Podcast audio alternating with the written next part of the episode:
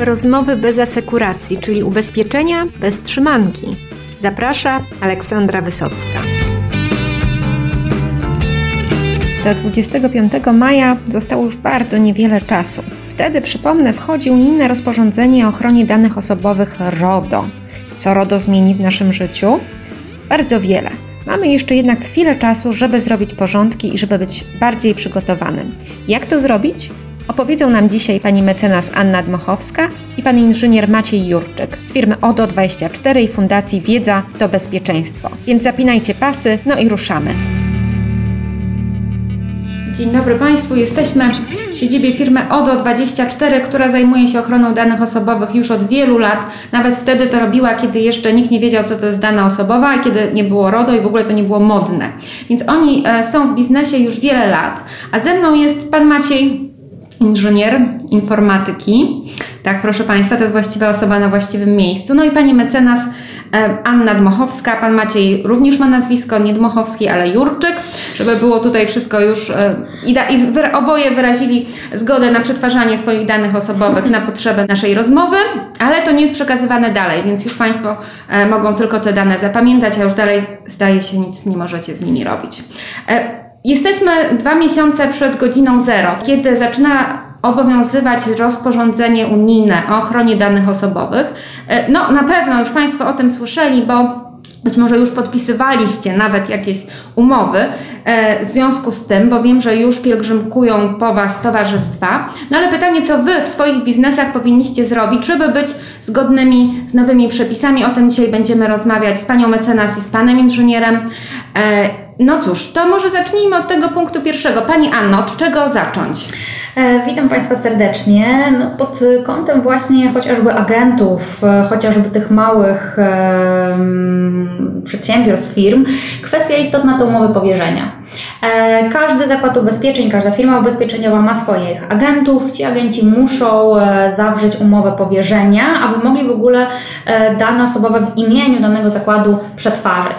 No i niestety na gruncie RODO, czyli tego unijnego rozporządzenia o ochronie danych osobowych, wszystkie te umowy będzie trzeba aneksować. A więc teraz tak naprawdę agenci będą zasypywani przez zakłady ubezpieczeń mailami, prośbami o to, aby wszystkie umowy powierzenia aneksować. To jest taki kamień milowy jeśli chodzi właśnie o relacje zakładu ubezpieczeń, agent. Czyli jeżeli masz, drogi agencie, 30 umów e, i byłeś zadowolony do tej pory z tego powodu, no to teraz czekacie 30 aneksów Wszystkiego dobrego w nowym roku życzy, życzy Unia Europejska.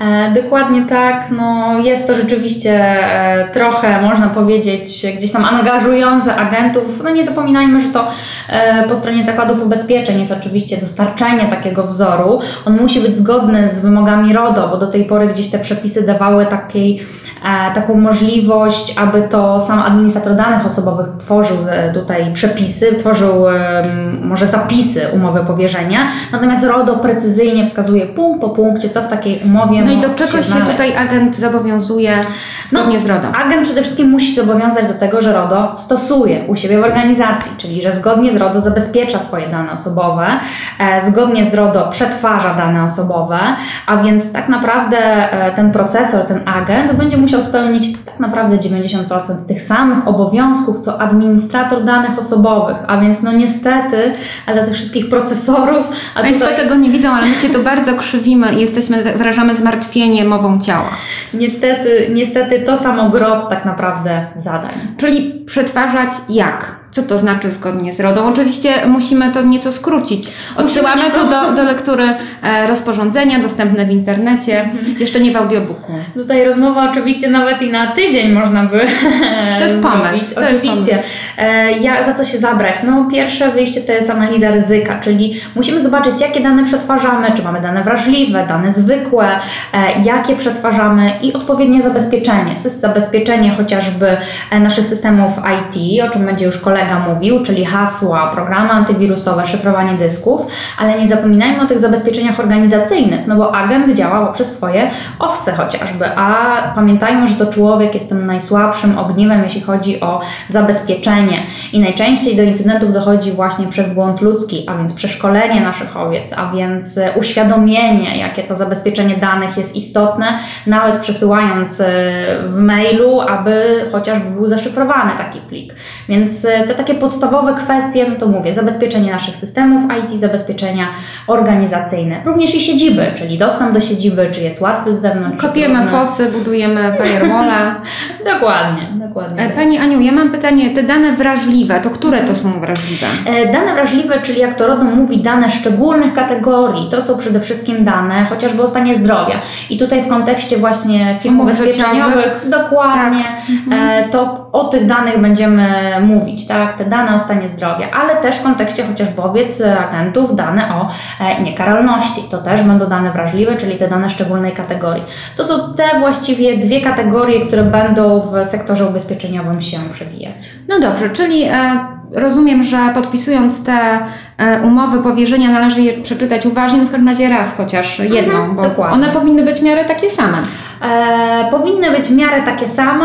E, tak jak mówiłam, wspominam na początku, RODO precyzyjnie wskazuje, co ma być w takiej umowie, więc nie powinny się one za mocno różnić. To, co jeszcze mogę dodać na marginesie, to RODO wymaga od administratora danych osobowych, aby wybierał takich procesorów, a więc w naszym przypadku agentów, którzy dają gwarancję tego, że są zgodni z RODO. Więc tacy agenci mogą się jeszcze w niedługim czasie spodziewać ankiet, które będą musieli wypełnić, aby właśnie taki e, zakład ubezpieczeń był pewny, że on się stosuje do RODO. Czyli takie pytania, drogi agencie, czy stosujesz się do RODO, czy coś już w tym zakresie zrobiłeś, etc. No cóż, e, a czy klienci naszych agentów i ich owiec, czy oni coś mają tu podpisywać?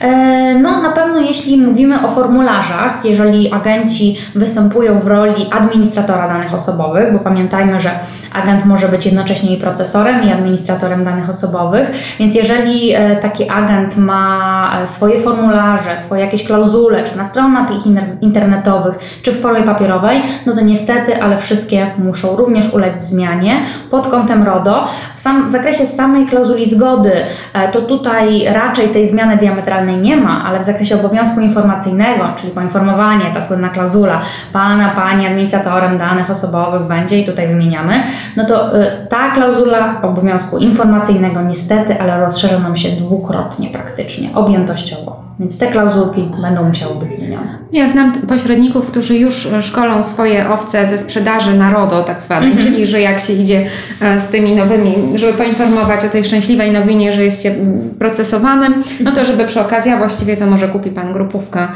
No, e, trzeba sobie jakoś radzić e, z tą komunikacją, ale co, czy to oznacza, że należy, nie wiem, rozesłać mailingi, albo obdzwonić, albo obejść? Forma jest dowolna. Tutaj na szczęście RODO na sztylu nam nie mówi, że to ma być albo albo mailem, albo to ma być kanałami, nie wiem, w formie papierowej. Mechanizm na szczęście wybieram administrator danych osobowych. Może to być rozesłane mailingiem, może to być umieszczone na stronie internetowej, może to być poprzez pierwszy kontakt z klientem zrobione. Tutaj formuła zależy tak naprawdę od kontekstu działalności e, takiego administratora. Ale jeżeli mamy już tych swoich klientów, nie wiem, 10 lat, już procesujemy ich e, z przodu, z tyłu i z boku. No, najlepiej chyba mailem, najwygodniej. Najwygodniej mailem mailem, czyli, to, czyli ta, i ta, e, ta formuła mailowa jest również akceptowalna. Oczywiście, oczywiście, jeżeli mamy o, oczywiście e, dane tego naszego klienta, jeśli chodzi o kwestię mailową i tutaj jest wyrażona ta zgoda, że możemy się kontaktować poprzez mail, myślę, że to jest tak naprawdę najmniej inwazyjna metoda, żeby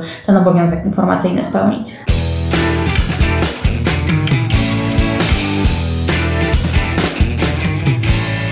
To chyba teraz nam została ta strona e, technologiczna, tu patrzę w oczy pana Macieja, zafrasowane nieco.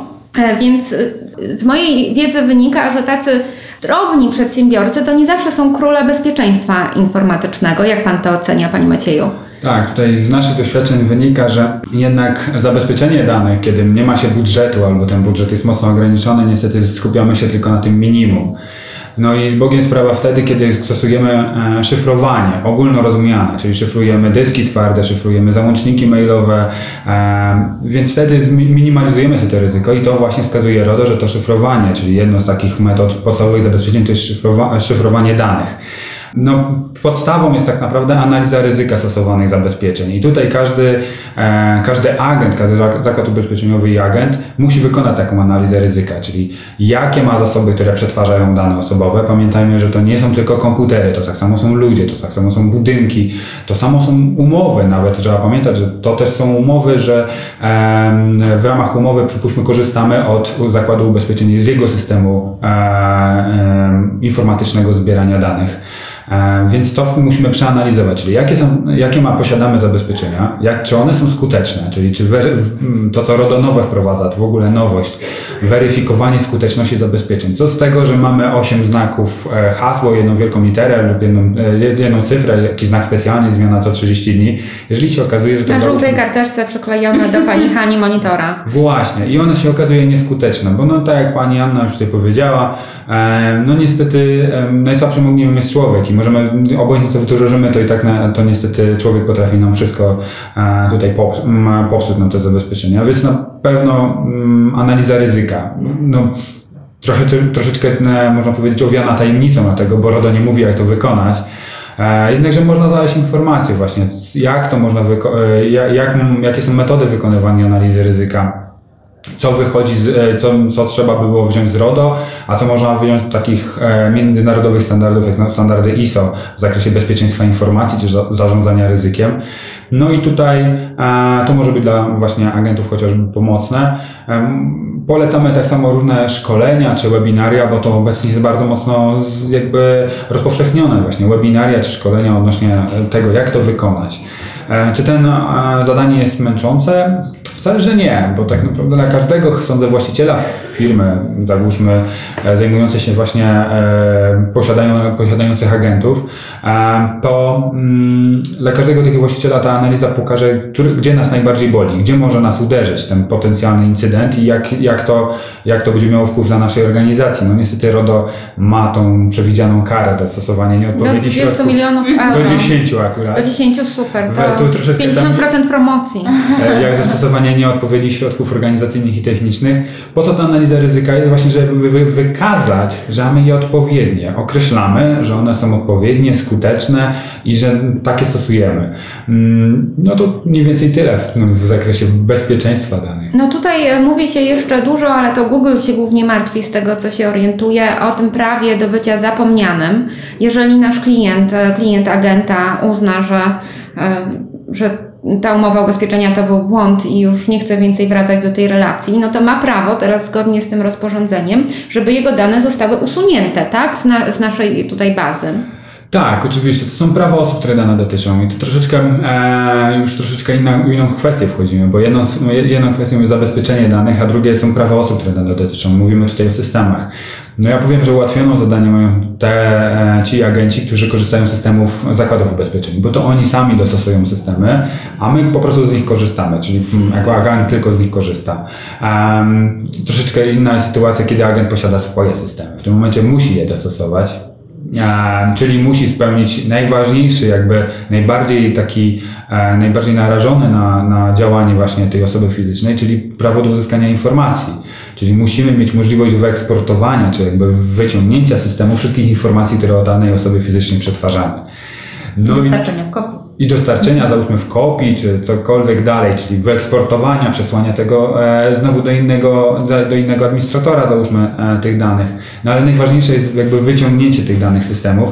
No i to najczęściej jest problem, jeżeli mamy nie jeden, ale 5, 10, 20, a jak czasami słyszymy, nawet i 100 systemów. Naprawdę 100 systemów? Takich nagrody można, konkurs, kto ma najwięcej systemów. Tak.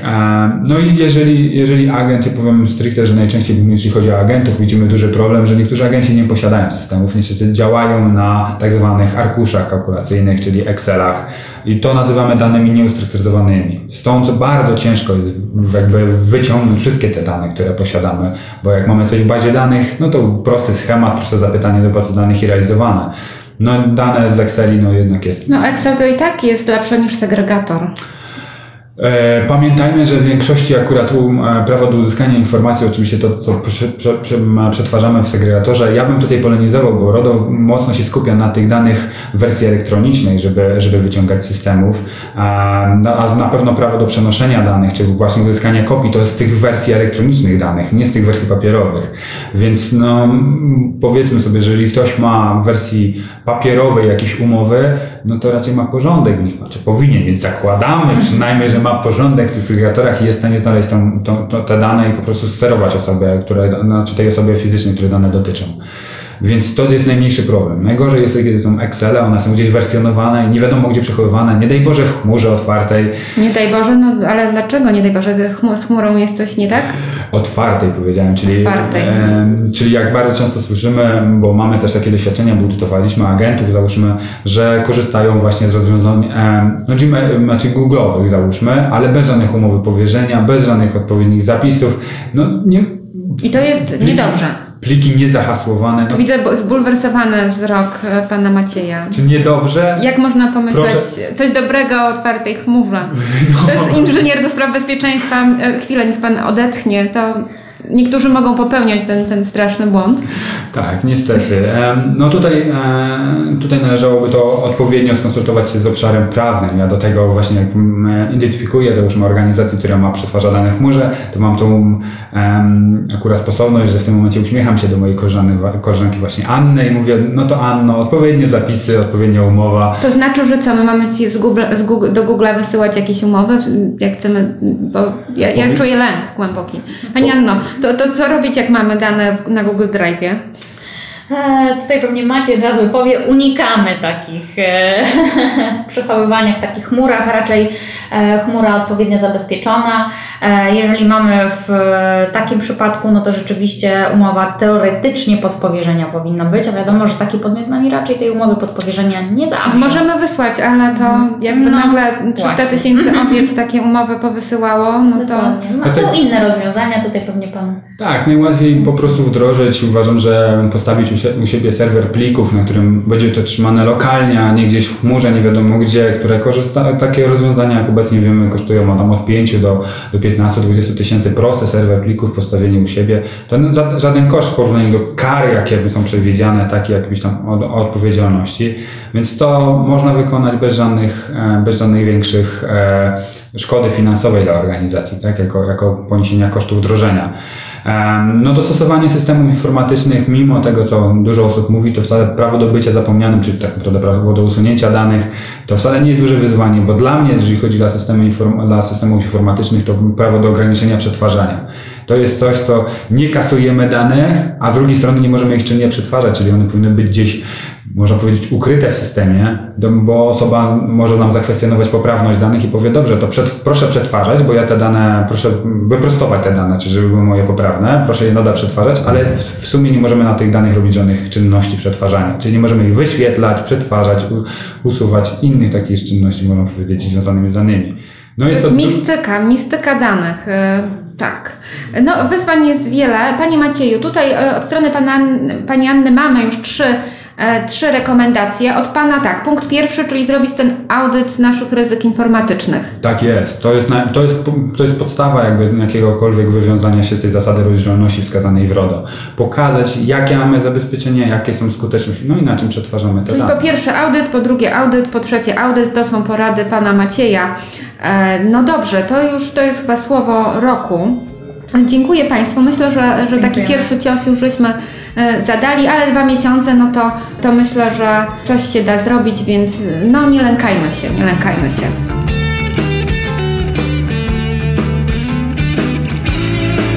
Jeżeli przed RODO mielibyście zrobić tylko jedną rzecz, to przejrzyjcie bardzo, bardzo uważnie swoje systemy informatyczne, oczywiście razem z fachowcem, który się na tym zna.